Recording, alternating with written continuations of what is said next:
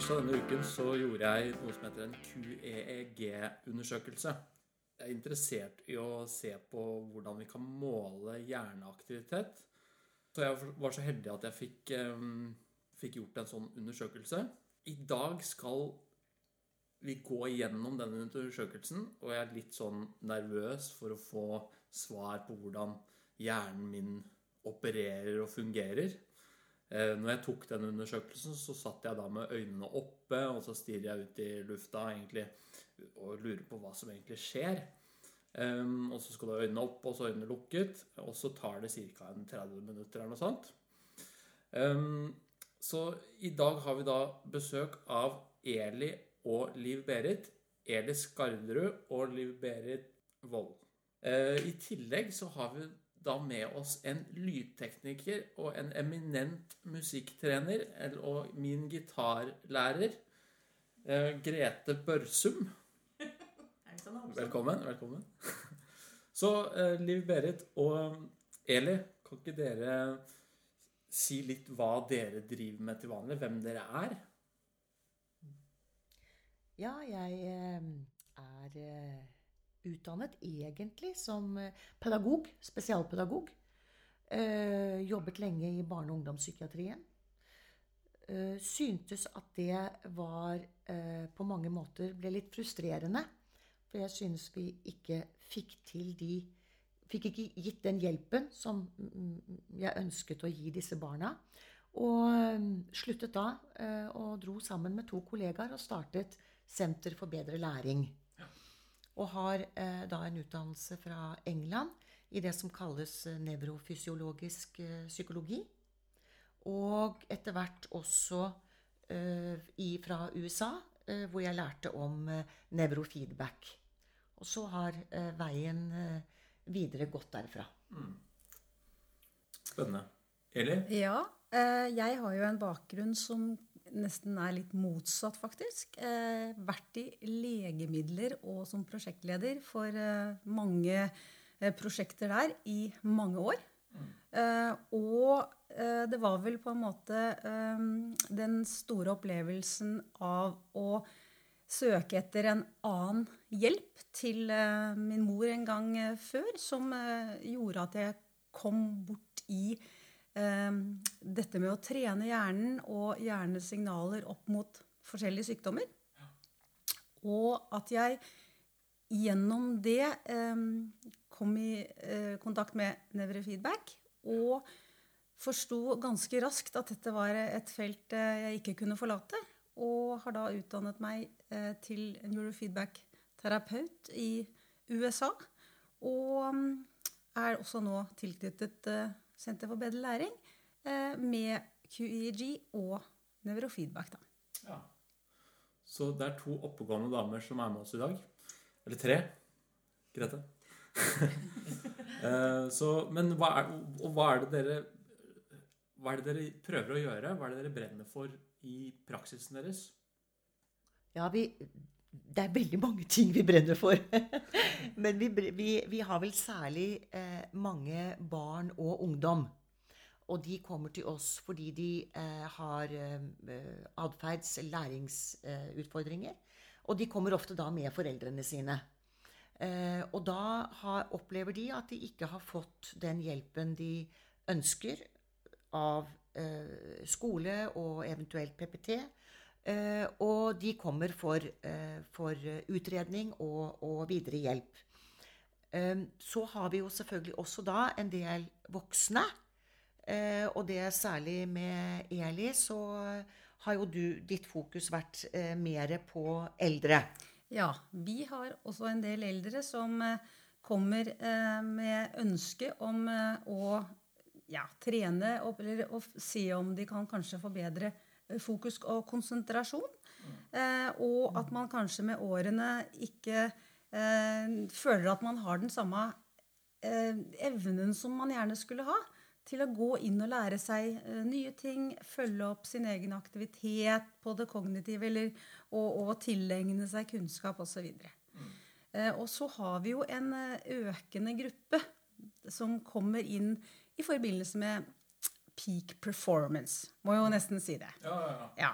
Fordi man også ser mer og mer eh, den store, eh, det store positive med å få hjernen til å spille på lag eh, innen mental trening for å få de resultatene man gjerne vil. Og det kan være musikere.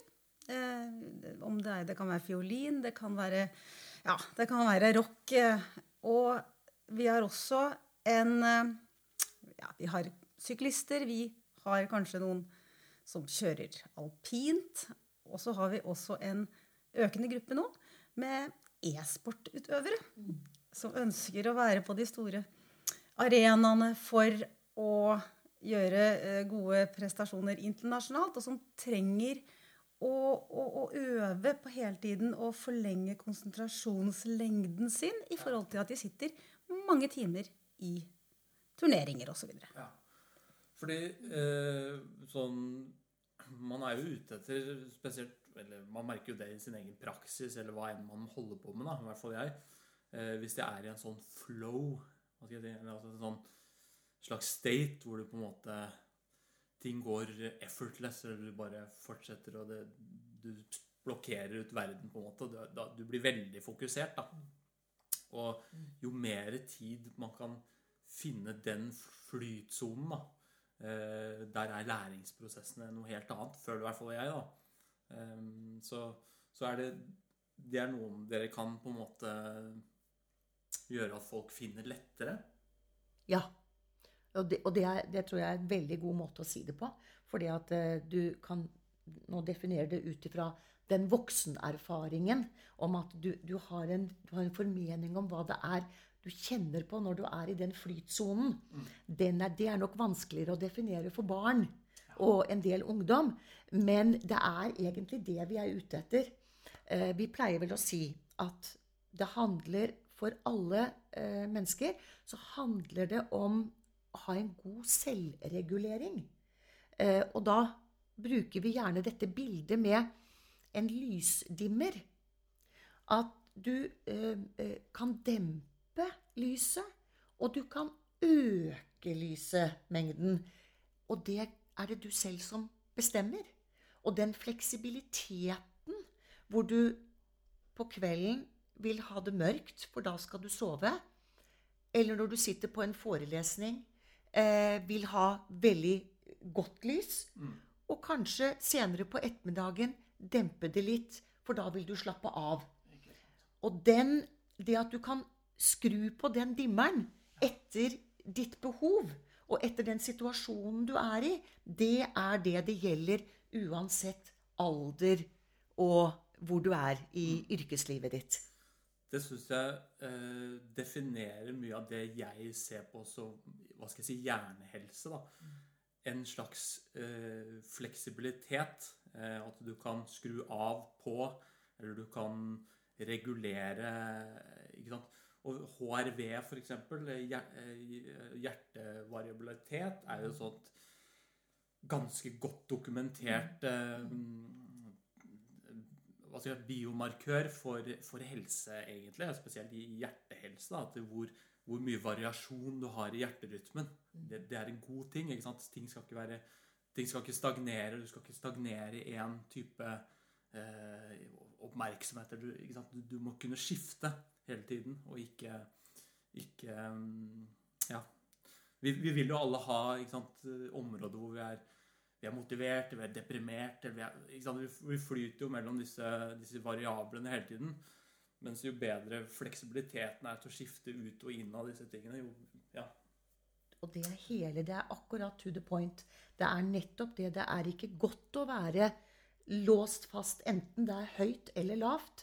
Men det er nettopp det å kunne ha denne gode variasjonen. Det er god selvregulering, og det er det vi, vi etterstreber, alle sammen. Mm. Og så er det jo dette her med at vi har alle eh, medfødte hjerner som er helt forskjellige. Ja. Og når man begynner å, å, å, komme så er man eh, til oss, så er det vanskelig for oss å kunne eh, Og det er vanskelig for de aller fleste som bedømmer hjerner, å kunne vite hvor er det din hjerne eller min hjerne har sine styrker og svakheter. Fordi de aller fleste hjerner kjører seg kanskje faktisk litt fast i et mønster. Og så er det viktig å si at eh, det er ingen hjerner som er helt perfekte. Så selv om noen da kommer til oss og sier ja, hvordan ligger jeg an? Hvordan er, hvor, er, er, hvor er normalen? Sånn, så er det ikke Det er en viss normal, men vi er alle veldig forskjellige. Og når vi kjører altså en QEEG, så er dette en type badehette eller hjelm som måler hjernefrekvenser eller hjernebølger. Og det er altså da en milliard av nerveceller som kommuniserer hverandre, eh, med hverandre med bitte små elektriske signaler som løper over skalpen og kraniet vårt eh, hele døgnet, hele livet. Og det er disse elektriske signalene som vi fanger opp og måler eh, i disse eh, elektrodene, altså elektronene som måler det. Det sendes til en datamaskin, og på skjermen så vil disse hjernebølgene vi har, i hvert fall de hovedsakelig fire hjernebølgene. Det er flere, men all forskning siden 1930-tallet, hvor de fant de første eh, fant alfabølgene, som var det første eh, de startet på eh, i å, å forske og eksperimentere med og måle osv., så, så er det fire hjernebølger som brukes i å fastsette hvordan er det hver enkelt sin hjerne rett og slett fungerer eller ser ut. Eller gjerne altså frekvensområder, da. Ja. Men har, vi bruker gjerne de fire navnene.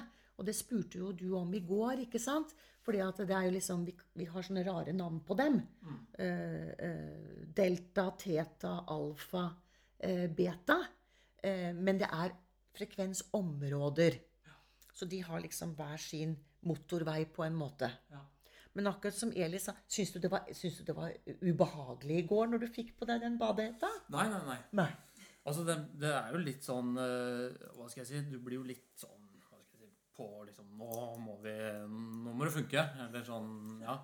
Men det var jo absolutt ikke noe ubehagelig. Så det var bare det, det, er, det er litt sånn annerledes ting. Folk som mediterer, syns jo sikkert dette her er veldig enkelt å få til kanskje tro. Eh, for det må liksom Ja, du må jo sitte der og bare se ut i lufta. Eh, og så er det jo Vet du ikke helt hva er det du skal tenke på. Skal du ikke tenke på noe, eller skal du bare Nemlig. prøve å eh, liksom zoome helt ut, eller eh, hva, hva, er det du gjør?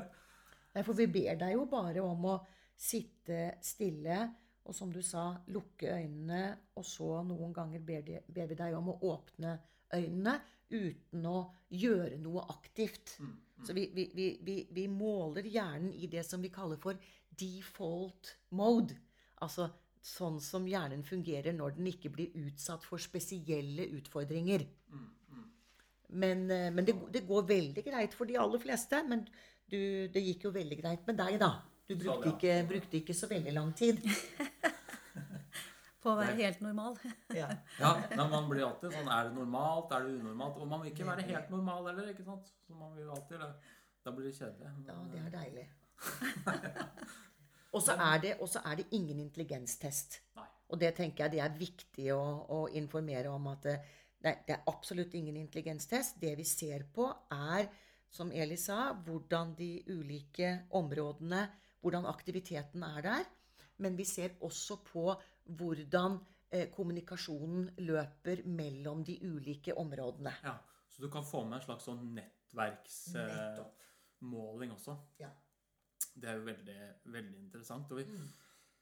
Det som jeg syns er veldig eh, fascinerende med, med, QEG, at det gir kanskje en kvantitativ måling av, av noe. Det, det, gir en biomarkør som, som er eh, hva skal jeg si, annerledes enn en andre markører. Um, også spesielt sånn i forhold til hjernerystelse, f.eks., eller, eller sant, andre type problematikker, så, så, vet vi at det er, det er, noe i disse nettverkene som ikke fungerer. Um, og det, er vanskelig å, å, å, måle. Eller man har ideer ut ifra klinisk praksis og historie og sånt, men, men, men, det er vanskelig å få noe sant? Det er ikke noe som kan måle eller annet enn potensielt disse tingene. da. Mm. Og det er jo også dette med at hjernen da er fleksibel og er, har plastisitet, mm. som er eh, også den store fordelen til hjernen i forhold til at dersom et område eller en frekvens eh, sliter f.eks. med å sende av gårde så høye eller så sterke signaler som eh, den egentlig helst bør, så vil en annen eh, frekvens, kanskje på andre eh, hjernehalvdelen, eh, prøve å gjøre opp for dette. Øke sin aktivitet og stende sterkere signaler for å hjelpe eh, til å få holde balansen som hjernen aller helst ønsker for å, å, å føle seg bra og ha flyt av eh, signaler gjennom nervebanene til de områdene. F.eks. et inntrykk som går inn, og så skal man ta et valg på hva skal hjernen bestemme at kroppen skal gjøre i, med denne situasjonen. Og da vil man jo så gjerne, gjerne, gjerne at eh, signalet går så raskt som mulig, og at han ikke står der uten å, å få tatt opp en arm eller eh, ta, gjøre en vurdering i en situasjon. Og det er klart det er det som er det, uh, det oppløftende med dette. Én ting er at man tar denne QEG-en og får et bilde av hvordan funksjonene er. Men den virkelige uh, løftet er jo at ja, det som, det som kan fungere bedre, det kan du faktisk trene deg opp til på egen hånd. Det er ingen tabletter, det er ikke noen medisiner. Du trener det selv. Og den, det er jo det som er hjernens plastisitet.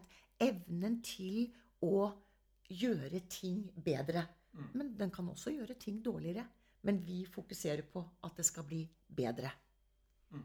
Så nevrofeedback er jo helt knyttet inn til denne QEG-en. Mm. Vi skal ikke bare se på hvordan var dette resultatet, men vi er vel så opptatt av og hva kan vi gjøre med det. Mm.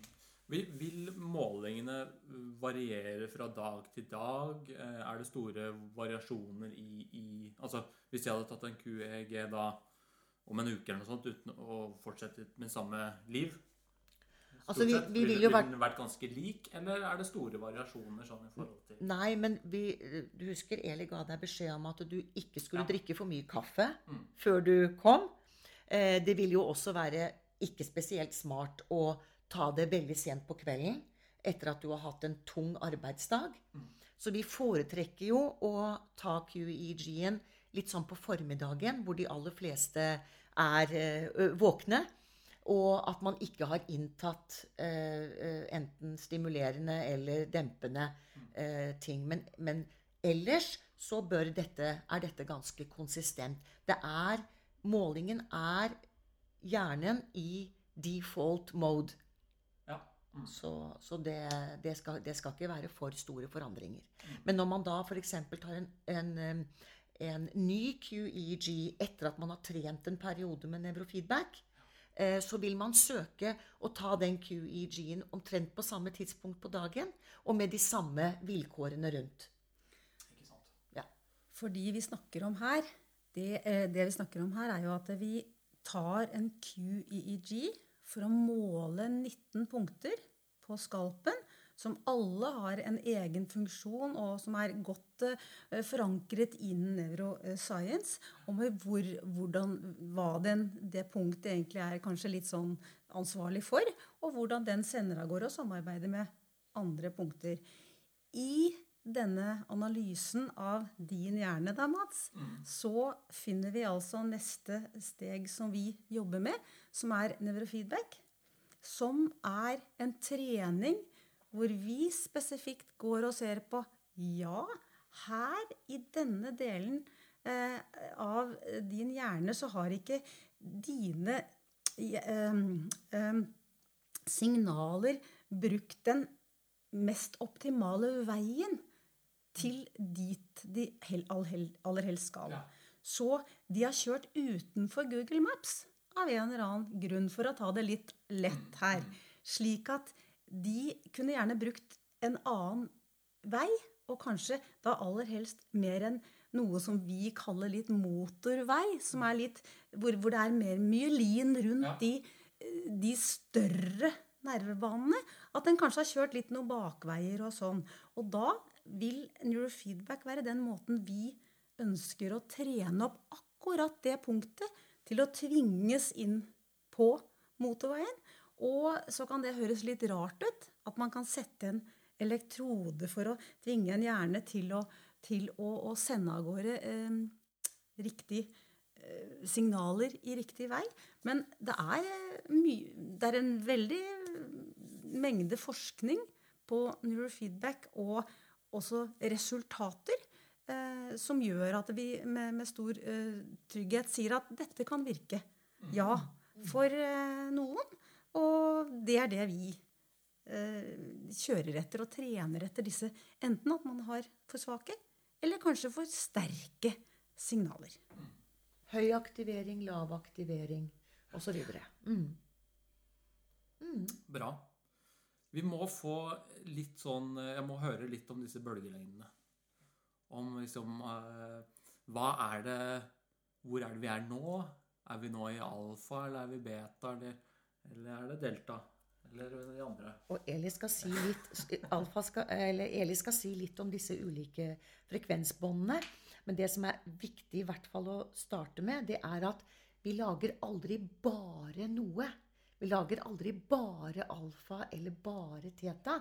Vi lager alle disse frekvensene hele tiden. Men det er sammensetningen av dem som på en måte gir de ulike eh, eh, situasjonene. Men Eli, du kan jo snakke litt om det. Ja, vi kan jo begynne med de eh, laveste eh, frekvensene, altså delta, eh, som går fra 0,5 til 3 hertz ca. Og da sier vi hertz, det er hvor mange sykluser per sekund sender disse bølgene av gårde. Og hadde deltaen vært null, så hadde vi eh, vel kunnet si at da er det problemer på ferde. For eh, alt over eh, 0,5 er da en hjerneaktivitet. Eh, Etter at eh, man eh, Eller i delta så er det ofte det vi har når vi er i dyp søvn.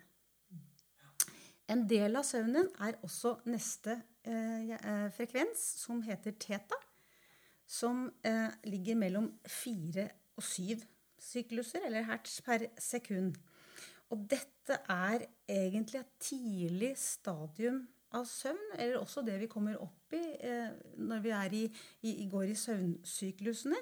Og, og noen ganger så er det også dette grenselandet mellom våken og at man er i, i søvne. Eh, og her, Det som egentlig er interessant, og som viser hvor, hvor, hvor flott teta eh, er, er jo dette her med at hjernen her bearbeider dagens informasjon, og at man her i en helt ubevisst og underbevisstheten jobber med sortering, sammenligning og lagring av eh, informasjon eh, i en tilstand som vi ikke selv egentlig må konsentrere oss for å komme i, men som vi automatisk, vi, i hvert fall heldigvis for de aller fleste av oss, eh, kommer inn i i søvnen. Mm, det gir den restitusjonen som vi trenger i løpet av natten. Ja. Delta, teta, søvn. Ja, søvnrelatert. Ja, okay.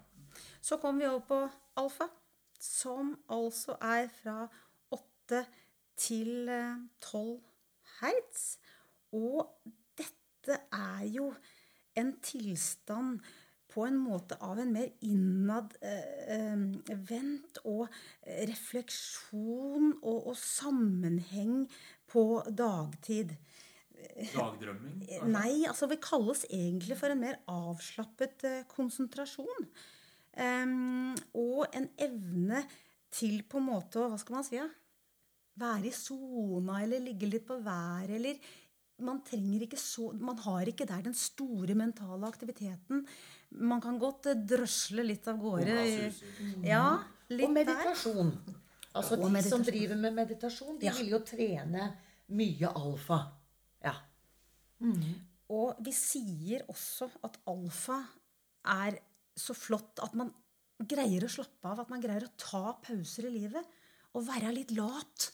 Å ligge der og være i den derre litt roligere eh, eh, sinnstilstanden fordi alfa eh, fordøyer eh, ofte det man har lært, og setter det i en sammenheng sammen med den lærdommen man har fra før. Og kreativitet. Ja. Eh, veldig mye av det ligger i, i alfa. Du kan leke. Ja. Så kommer vi opp på beta, som er med, det, med det, på en måte den mer aktive eh, frekvensen, som ligger fra 13 opp til 36 ca. Dette er jo litt sånn noen ganger eh, avvikende, men stort sett er det vi definerer det til. Um, og her er det vi befinner oss i våre daglige gjøremål. Vi er i beta når vi leser, når vi løser oppgaver mentalt eh, og bruker det kognitive.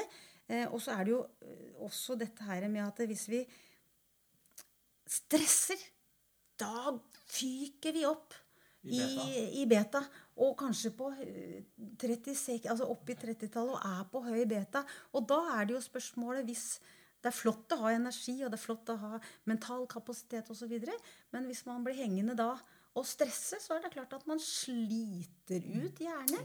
Og kan, ja, og kan sette på, man kan sette på gasspedalen så høyt der oppe, og det gjør man jo da med stress, at man eh, blir sliten. Og da kan man stå litt Da kan den sette seg fast, rett og slett. Og det er, Det er jo veldig ja. interessant. Men, så, så jo høyere hertz, jo høyere jobber eh, hjernen, kan du si, eller på, jo, jo mer konsentrert Eller jo, jo mer må vi jobbe for å, for å holde Ja, det kan ja, Jo, det kan du godt si. Eh, og så er det jo hele tiden dette at vi eh, må huske på at vi lager alle frekvensene hele tiden. Det er mer sånn mengden av det. Men det er riktig det du sier. Jo mer høyere opp du kommer i beta, jo mer fokusert, oppmerksom er du. Så da må du ha den dimmeren, og så må du klare å sette på lyset veldig skarpt. Eh, men så må du, kan du ikke bare bli der. Så det, så det er på en måte eh, Alle disse er aktive til enhver tid. Kan man si noe om hvor vi har eh, f.eks. beta? Er det noe som sitter lenger fremme i hjernen, mens de andre lenger bak? Eller er aktiviteten generelt over hele cortexen, kan du si? Ja, den er generelt over Ja. hele cortexen, men det er klart at vi trenger jo, fordi vi bruker eh, frontal cortex mye når vi nettopp eh, studerer og lærer ting, så må vi altså kunne produsere en god del beta der. Men, men, men eh, de, den, den finnes overalt. ja Veldig oppklarende ting, dette her. Altså, her, her er det jo på en måte Du ser jo ideene rundt dette, hva man kan gjøre med det. Eh, Det er jo kjempe, kjempespennende. Men hvordan så det ut med, med huet mitt, holdt på å si? Du har jo en veldig fin hjerne, da. Takk. Ja. Og det ser du jo eh, Det må du jo si. Ja, men vel. Men du ser jo her Dette bildet viser jo at grønt er jo en, den fargen vi sier ja, men da, da er alt ok. Og dette blir da fokusområdene.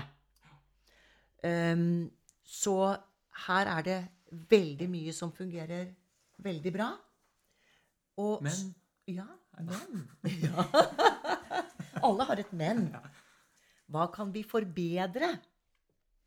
Og da er denne Da må vi bla litt grann her. Ja, den der, der. Se på denne. Ser du hva det er som på en måte stikker ut tydelig? Det er den blå søylen. For det det du ser på nå, er jo hvor vi har fordelt målingene fra åpne øyne og lukkede øyne. Og da ser du dine egne fire frekvenser opp mot det som er hjernens mest optimale eh, drift, eller frekvens. Da det er da den har den best. Og da vil man egentlig, når man ser en sammenligning mellom sine egne frekvenser mot normalen, så ser du også der hvor du kanskje kan enten kjøre litt for hardt eller litt for svakt. Og det som er veldig bra, det er jo eh, disse to som er det vi kaller teta-beta-ratio. Forholdet mellom tetabølgene, de dype, eh, lave, og beta, de høye. Og der kommer du ut med solid grønt. Det betyr at du har den dimmeren. Ikke sant? Du har den dimmeren. Du kan både gå der, og du kan eh, være høyt oppe. Eh, du har den reguleringsevnen. Og når vi da har slått fast det, så kommer det som Eli snakket om med alfa. At alfa har jo så mye bra i seg. Eh, det er eh, eh, nettopp fordøying av, av, kunnskap, det er kreativitet, det er alt mulig. Men du har litt mye av det. Ja, det var voldsomt. Her er det på høygir. Ja, du er jo egentlig ikke på høygir. Du er veldig mye i sonen. Du tenker mye, du, Mats. Ja, det stemmer det. Du tenker mye. Nemlig. kan du si noe om luke, altså, eller sånn stedsansen her? For at det, når vi skulle hit, så sleit jo jeg fælt. Dere var jo mye raskere enn meg. Mens jeg fant det liksom ikke Nei, stedsansen tror jeg ikke vi kan si så mye om. men, men, men det Her ser du kognitiv effektivitet. Ser du pilen er mot det virkelig bra. Veldig bra. Og, og, og, du kommer godt ut i forhold til at du nok antageligvis er ganske god i matte. Eh, du er god på problemløsning. Eh, og så er det litt på dette med oppmerksomhet. Mm. Eh, motivasjon. Det er det kognitive. Og her har du fokus. Da ser vi Nei, ikke dårlig, men du ser Du blir litt eh, lett distrahert. Ja, det stemmer. Det stemmer. På en prikk. Så bra at det stemmer. Og så slår du ut på humør. Her er det jo også igjen veldig mye grønt. Men du har en tendens til, slik denne QEG-en viser, at du er ganske selvkritisk. Du um, du er, og du, du, kan gå med en del sånn eh, tankespinn. At du blir værende i noen, noen tankemønstre mm. som du kan ha, føle at det kan være litt vanskelig å komme ut av. Og tilsynelatende så ser det ut som at du, du kan være litt på den litt bekymrete siden. Og at det er det som, som da eh, skaper denne, dette tankespinnet. Mm. Men så er det jo så mye her hvor du er eh, kjempegod. Så bra. Men det, ja, men det, det dette, altså, Jeg kjenner meg jo veldig fort igjen i, i, disse tingene. Så det er jo altså, Ja, det er jo veldig sånn Alle, alle de røde prikkene der er jo eh, Vil jeg si at det er eh, ting som Ja, man sliter med, eller som, man har uh, utfordringer med. Nettopp. Så, Fordi så vi, vi, kan jo vise nå ja. eh, et liksom på en måte samle, Du har det der samlebildet av din alfa som du ser peker seg ut.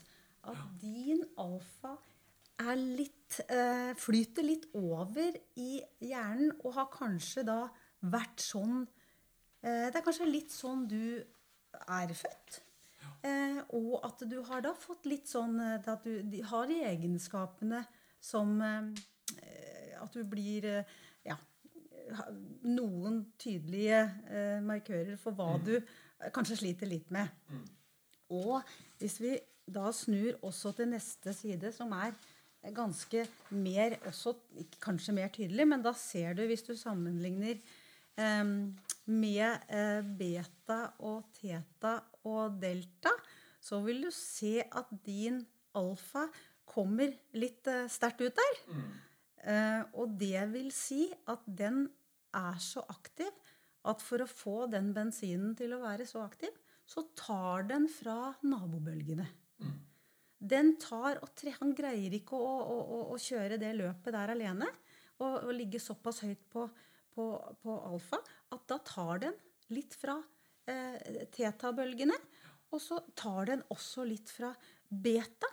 At sånn som vi da eh, kan si med å se tilbake på den dimmeren Når vi ønsker at du skal ha hånda di på den dimmeren og ha kontrollen over den, så kan det hende noen ganger når du vil gjerne skru på hjernen din til å lese noe ordentlig vanskelig neuroscience eller øh, innen kiropraktikk osv., at da kan det vel kanskje hende du noen gang har litt å, må slite litt for å komme inn i beta-aktiviteten osv. Og, mm. og vår tanke omkring det er at hvis man da går på og trener da ned alfa, så skal det gi deg bedre kontroll og, over den dimmeren. Ja, ha makta over ditt eget ja. Og du kan tenke deg, når disse skiskytterne kommer inn fra en runde ute, kommer inn på standplass, skal stå på stående skyting De har jo puls som er enormt høyt, og så skal de skyte. Og da må de på en måte være så fokusert. Så de har ø, trent såpass mange år på det skiftet. Og mange av de har da veldig kontroll på dimmeren. Da slår de ned, og det er i ro. Mens de som da ikke har kontroll kanskje på den dimmeren da, de vil ville det for mye. Bli på en måte litt for overspent. Er ikke helt i sona, for de har ikke helt kontroll på å få det og, og sette seg i den staten som skal til. Og vil slite mer. Så, så, det er egentlig et godt bilde på hvor, hvor dyktige de kanskje ja. De som virkelig kan det her. Det er det samme med flygere, f.eks., som, som skal gå fra å være på autopilotkjøring til en aktiv krisesituasjon eller landing. At de også har trent veldig mye på den, det, det grepet å være i kontroll over sin egen eh, Veldig interessant, da. Mm. Og det er jo det, altså Jeg kjenner meg veldig igjen. Altså det, det er det som er problemet ofte at du er i en sånn Gjennom dagen så er du liksom Du er på en måte i en Du har en del stress og sånne ting. Um, og så er du jo en sånn prestasjons Til dels en prestasjonskultur, da. Um, og så, så eksempel at hvis jeg skal da sette meg ned og produsere ting, eller ikke sant Få oversikten over Da må jeg ha ganske lang tid. Eller må jeg sette av liksom Kanskje Altså, jeg må, jeg må gjerne slappe av litt på formiddagen. Kanskje gå og løpe meg en tur eller et eller annet sånt. Og så Da kan jeg på en måte produsere eller, eller lære mer, da. Fort. Mye fortere enn det jeg ville gjort. Jeg kan ikke liksom bare bom, rett fra mobilen, ikke sant, og så mm, Ja, nå skal vi bare lese litt og sånt. ikke sant. Så, og det kjenner nok veldig mange seg i akkurat det der med å kunne skifte. Mm. Eh, så det, det, tror jeg veldig mange kjenner seg igjen i. Og det er jo ganske interessant at her Dette viser jo hva slags protokoll Altså den Hvor, hvor skal du trene? Eh, eh, du føler at utfordringer ligger frontalt, men denne QEG-en eh, viser at eh, du trenger eh, de, de, Den mest effektive måten å trene på, det er å begynne bak. Ja. Fordi at det handler litt om sanseprosessering. Og da eh, jobber man eh, gjerne bak i de, de, tidlige hjerneområdene. Og så er det litt på den høyre siden hvor vi kommer Vi sier vi kommer litt mer til det mer emosjonelle. Mm. Nettopp det som handlet om litt bekymring, litt uh, litt, litt mye selvkritikk. Mm. Men jeg tror mange kjenner seg igjen i akkurat det du beskrev. At eh, vi lever i et hektisk Vi lever hektiske liv. Mm. Og, og, det kreves mye av oss. Og vi føler ofte behov for å Å, jeg skulle ønske vi kunne klare disse overgangene bedre. Ja, ja. ja. Så, men det er jo også sånn i forhold til da altså negativitet eh, Ikke sant eh, alle disse vonde følelsene. Eh, hvis man har mye av det, eh, vil det forsterke seg etter hvert? Typisk, eller sånn use it or lose it-tingene. Eh, da. At hvis du er i en state eh, mye, så vil den bli selvforsterkende over tid. Ja, det må vi jo kunne si at det gjør. Det er ikke akkurat use it or lose it. Men det er helt klart at hvis man blir gående i en sånn eh, Alt er tungt og vanskelig og mørkt. Nå er det jo ikke akkurat slik du har det, men det er mange som har det sånn. Mm. Så vil man jo bli mindre aktiv. Man vil eh, ha vanskeligere for å se de positive tingene. Og så graver man et, et, et, et dypere og dypere hull. Så at noen av disse eh, tilstandene kan bli tyngre etter hvert, det er helt klart. Og det har vel også mer med dette at man låser seg fast i noen mønstre. Og noen er mer uheldige enn andre. Og så kan det da skape på en måte en fatigue, eller altså begeret Ja. renner over til slutt når det, når det har eh, Ja. Og, og det, man, det vi snakker om ø, ø, ofte, det er jo at en depresjon kan være en depresjon, men en depresjon er ofte eh, langvarig eh, mer angst. Som, hvor man da er veldig aktivert, men til slutt så blir man så trett, og så går man over i depresjon. Men dette er kompliserte eh, temaer som krever eh, eh, mer tid enn det vi har i dag. Ja, ja. Ja. Og det er også ut fra at disse mønstrene setter seg ofte eh, altså over så lang tid at det er da vi ser at hjernen har tatt en annen vei enn den smarteste veien. Eh, fordi det har vært en så lang periode med den type hjernemønster at da har det blitt etablert den veien som en, hjernen oppfatter som en hovedvei for å sende si- sine signaler, og at den da kan ha gått rett og slett av å få hjelp til å, å forstå at eh, det er ikke den beste veien for din hjerne. Så når man f.eks. trener neurofeedback, så sitter man jo og spiller et dataspill med hjernen. Man har ingen konsoll. Man har ingen eh, type fysisk aktivitet. Eh, den store fordelen med hjernen er at den er jo så lat at den vil jo gjerne underholdes. Så den vil veldig raskt finne ut hvilket punkt på hjernen må den bruke for å få spilt dette dataspillet. Så lat er den at det det er det deiligste den veit, egentlig. Derfor skal man ikke konsentrere seg, eller man skal konsentrere seg, men man, man skal ikke drive og jobbe, og nå må jeg tenke på nede ved øret, eller eh, på toppen, eller, eller noe. Man, hjernen er selvregulerende ja, i forhold til underholdning, nesten for å si det sånn at den vil så gjerne bli Ja, du, du forsøkte vel å styre et romskip, gjorde du Ja, ikke ja, det? Ja, Og da var det jo du, du skulle styre dette blå romskipet, og så skulle du passe på at ikke de andre kom opp. Og så fikk du poeng, ikke sant? Og jo mer du så at du fikk det til, jo mer ville, klarte, klarte du å gjøre av det. Mm. Så det er den der selvforsterkende eh, prosessen. Ja, det er et veldig eh, fascinerende ting, den neurofeedbacken, altså. Eh, når du på en måte sitter der, og så, og så kan du på en måte styre det med hodet ditt. Du veit ikke helt hvordan du gjør det. Eller det. Så det er litt sånn Og så må du på en måte prøve å finne en slags sånn state, da. Eh, at det nå Uten at jeg er klar over hva, hva, hva du gjør. Så det er jo en interessant eh, sak, altså. Definitivt. Så kanskje så, så det vil være en strategi for min del å gå inn i for å senke da alfa og, og, og gjøre en eh, Hvilken type neurofeedback? Altså For dere har mange forskjellige typer programmer eller type Så det kan dere da se på hvem som vil være mest gunstig for meg, da. For det første så finnes det jo eh, eh, i hvert fall to litt ulike typer eh, prinsipper for nevrofeedback-trening.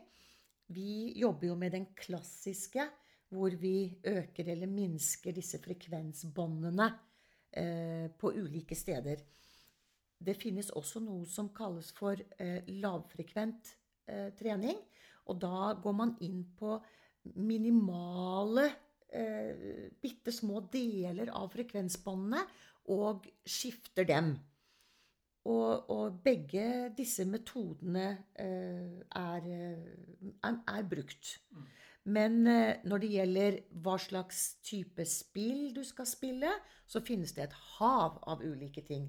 Du kan styre båter og biler og fly, og du kan Ja. se, på et, eh, se på en film. Og når du, når du styrer hjernen din som det er ønskelig, så vil du se bildet klart og tydelig. Og når du fader litt ut og ikke jobber så bra, så blir, eh, blir bildet mørkt. Ja.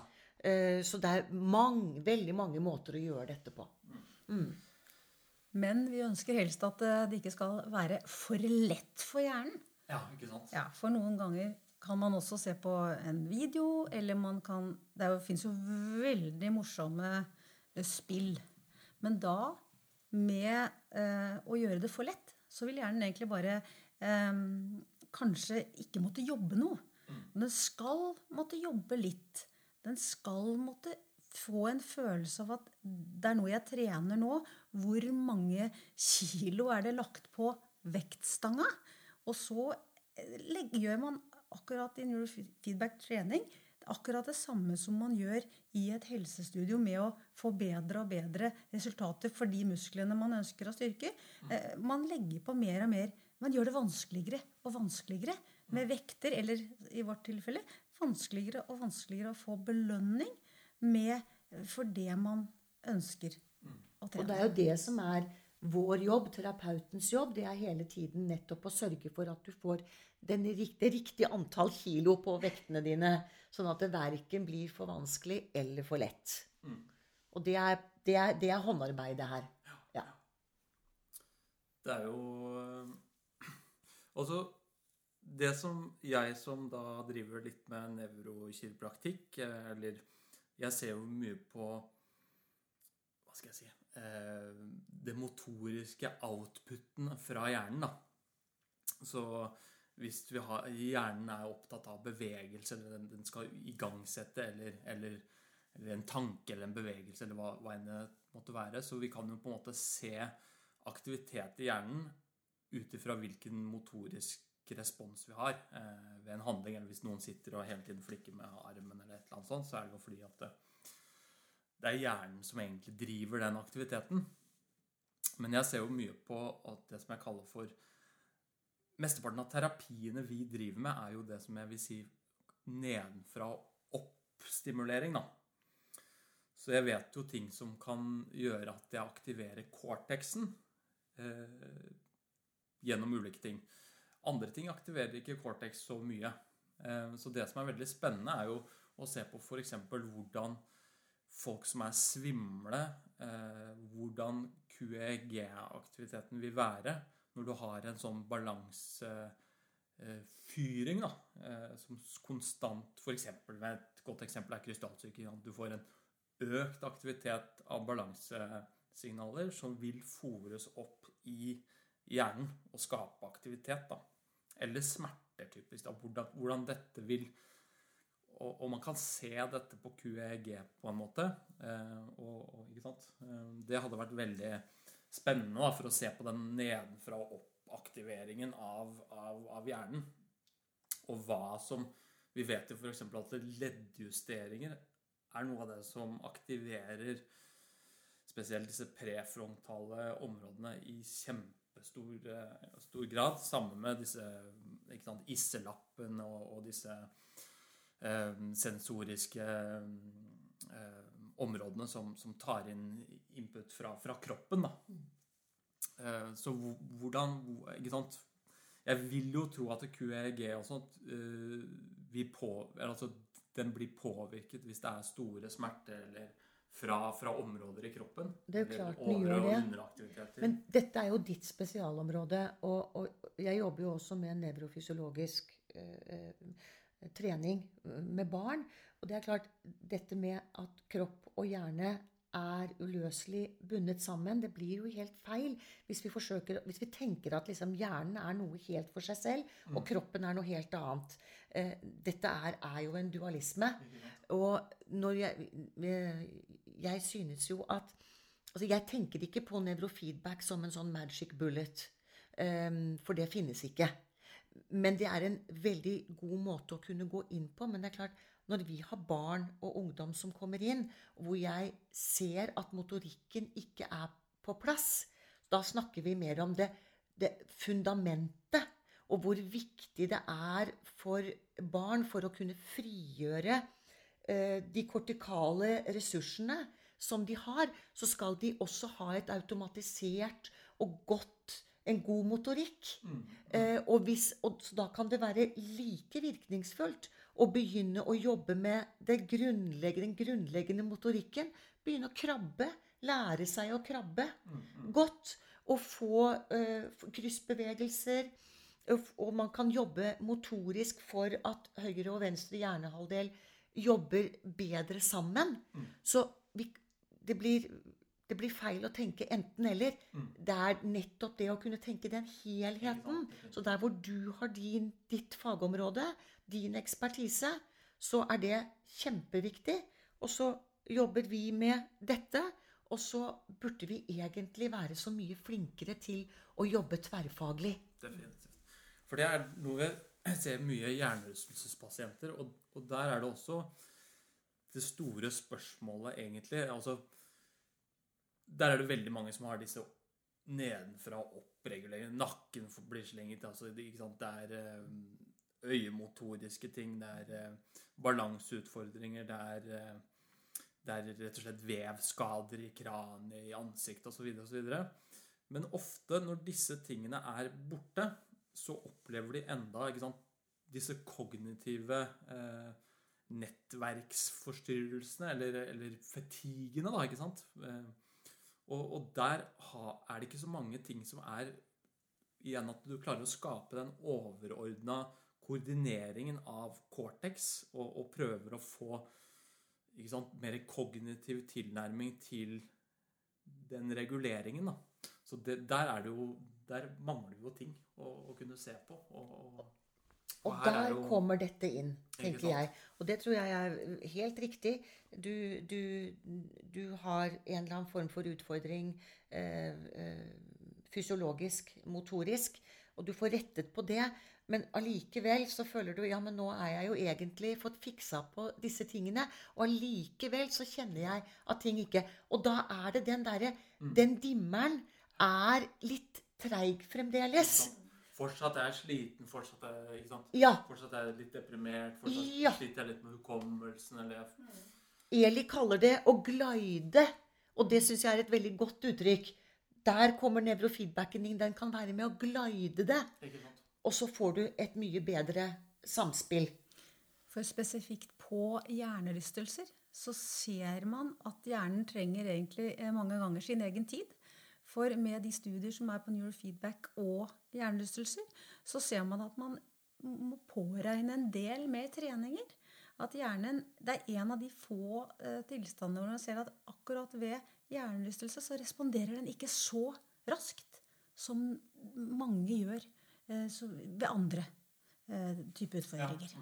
Så det er at man har et, på en måte en litt mer brain fog som, er som må, må løse seg eh, mer av seg selv, sånn som vi i hvert fall vurderer det overfor de som kommer til oss og gjerne vil ha hjelp med ettervirkningene ettervirkningen av eh, hjernerystelse.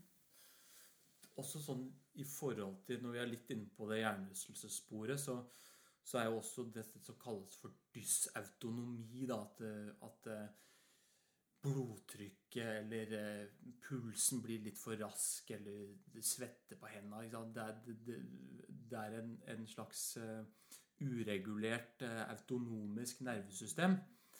Og der er jo mye av cortexen vår med på å regulere det autonome nervesystemet i ulike settinger, da.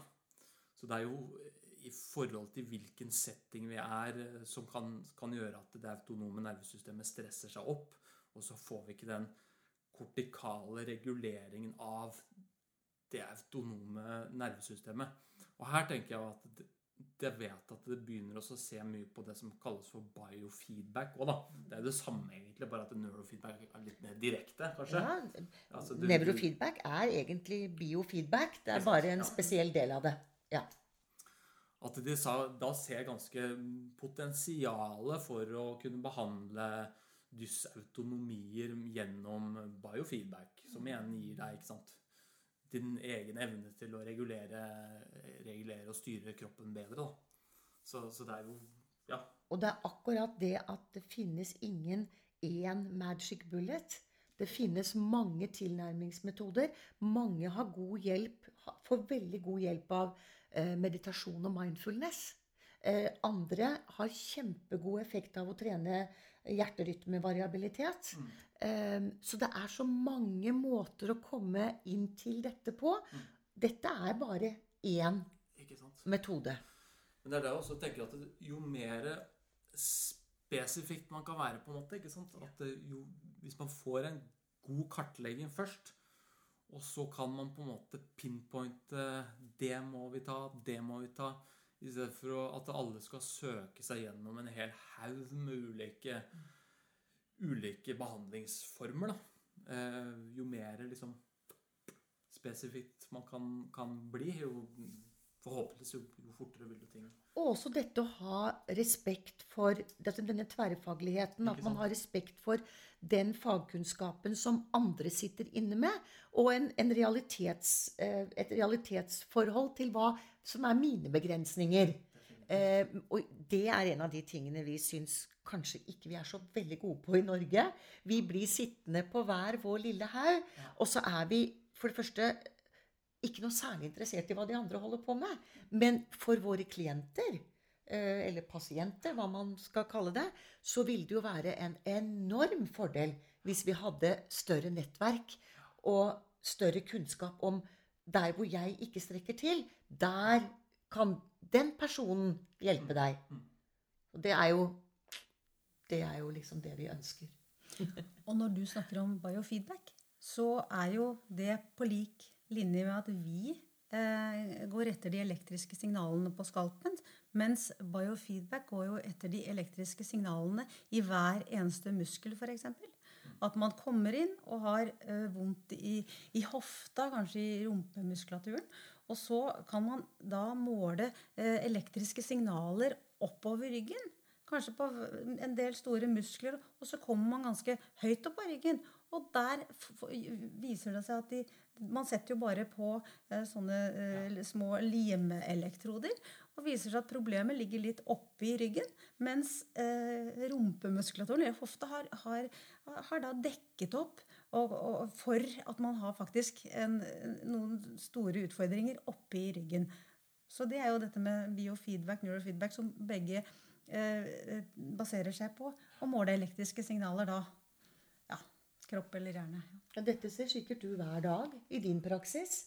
Ja, hele tiden. Altså, det, mm. det, det, er jo en Det er jo en formening om at det, Altså, vi vet jo at kanskje 60-70-80% av alle muskel- og skjelettplager i dag har ingenting med vevskade å gjøre.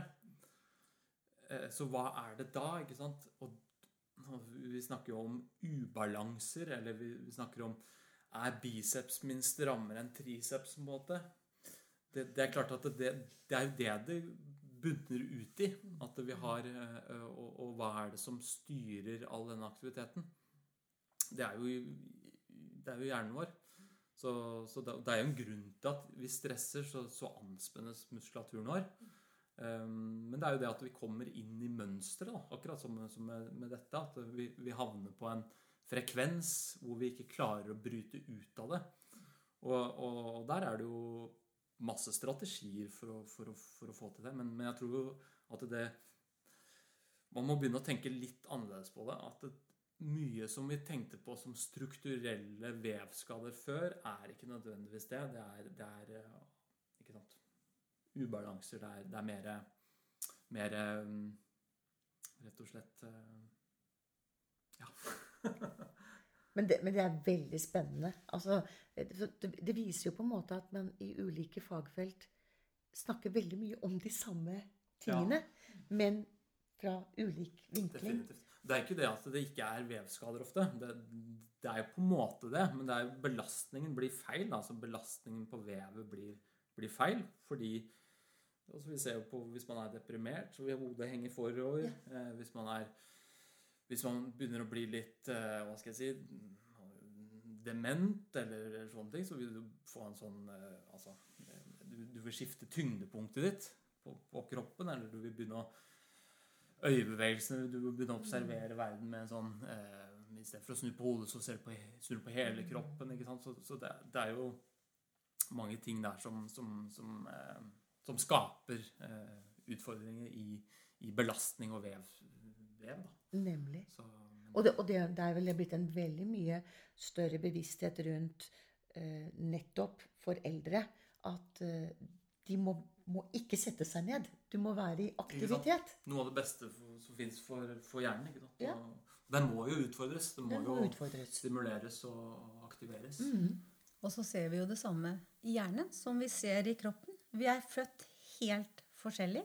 Så det er ikke det alltid at man har lagt seg til et, eh, et litt for litt, eh, Et signalsystem i hjernen som ikke eh, helt er det beste. Eller i kroppen. At man gjør, har gjort, fått utfordringer i kroppen som man er tel, selvpåført. Det er, jo, det, er jo, det er, jo, noen egenskaper man er medfødt med. Altså født med. Og, og både i kropp og hjerne. Og man har arvet en eh, lettere tilgang til utfordringer på noe. Og så har man lett for andre ting. Uh, uten at man liksom har kjørt seg fast eller hatt for høy gass. Eller, og, og, det er jo ikke alltid sånn sett at man selv har stresset seg opp i et hjørne heller.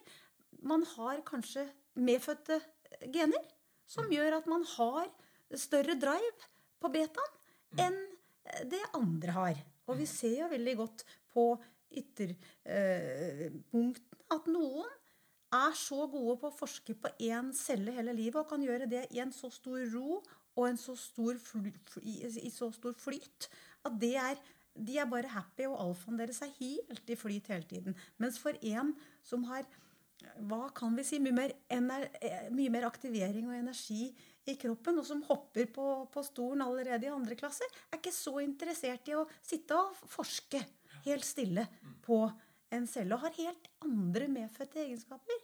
Så det er også noe i dette her med hva er det vi har med oss, og hva er det vi utvikler eh, negativt mm. eller positivt. Og jeg tror det er veldig viktig å, å påpeke, fordi at vi trenger, vi trenger alle disse ulike personlighetene og evnene.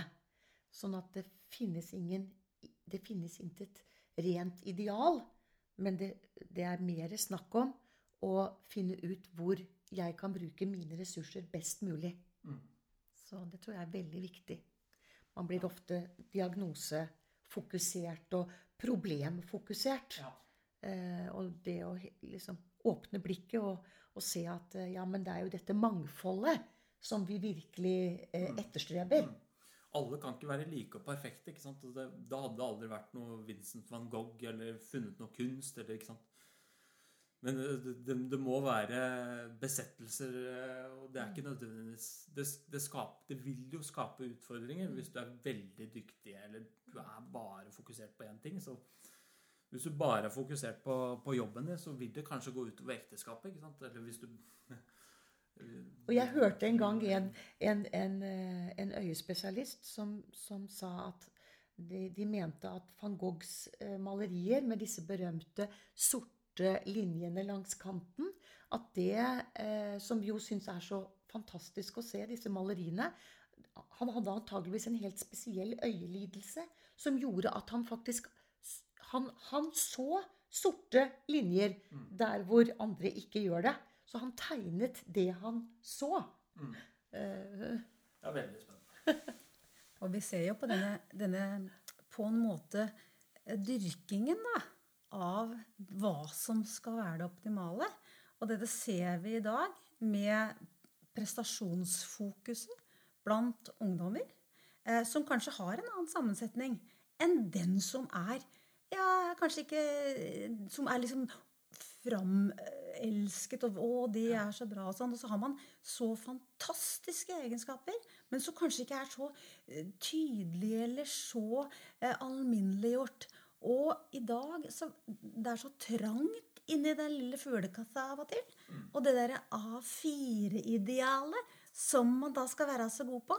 Og vi har jo disse ungdommene som kommer inn og som med sine og, barn også, men det kommer veldig ofte kanskje mer også i ungdomstida, at de stort sett De har fantastiske egenskaper, men det begynte kanskje å Det virker som de kan ha begynt å dø i femte-sjette klasser.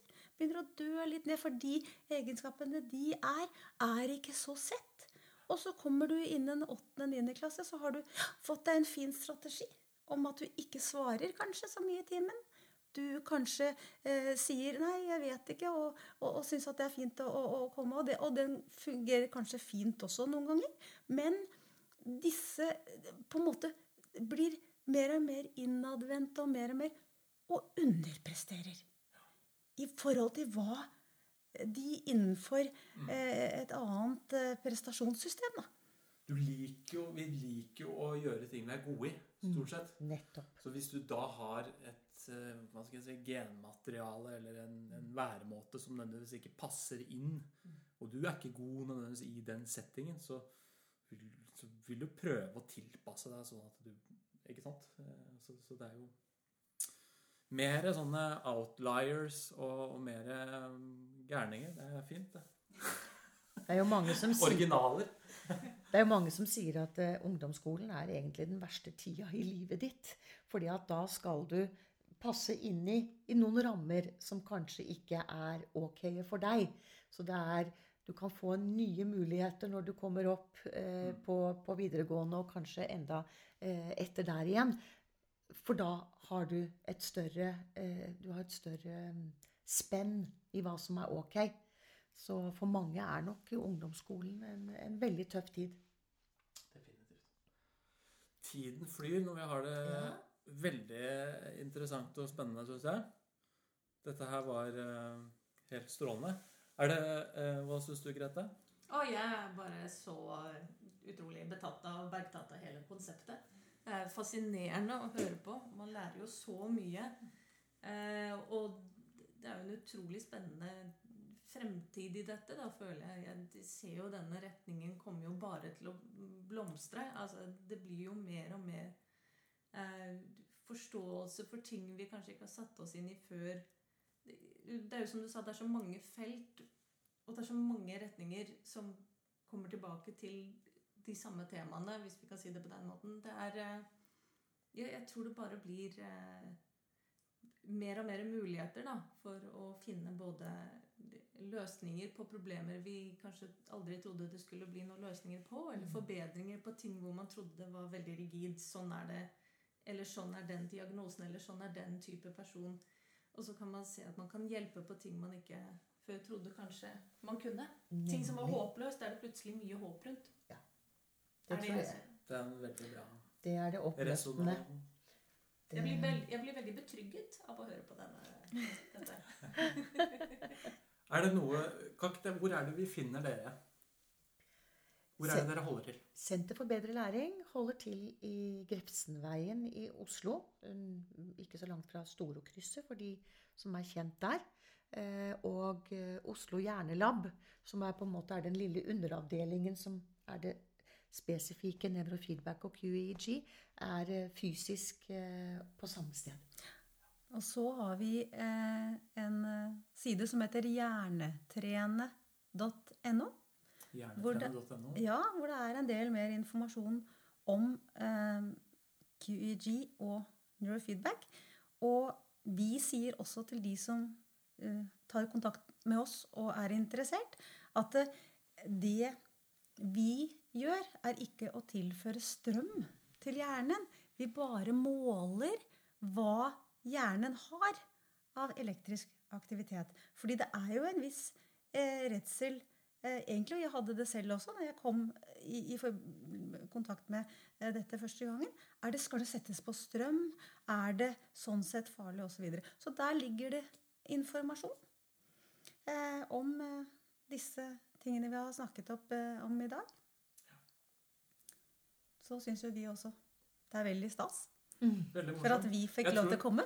Jeg vil i hvert fall tenke at vi eh, kan ha et eh, samarbeid eh, fremover. Det er jo ja, helt strålende. Vi har jo det, Grete. Mhm, det har Vi vi. skal fortsette å spille gitar. Det skal vi gjøre. Så skal jeg fremføre shallow. Øke finmotorikken din, ja. Ok. Takk for nå. Takk for i dag. Takk.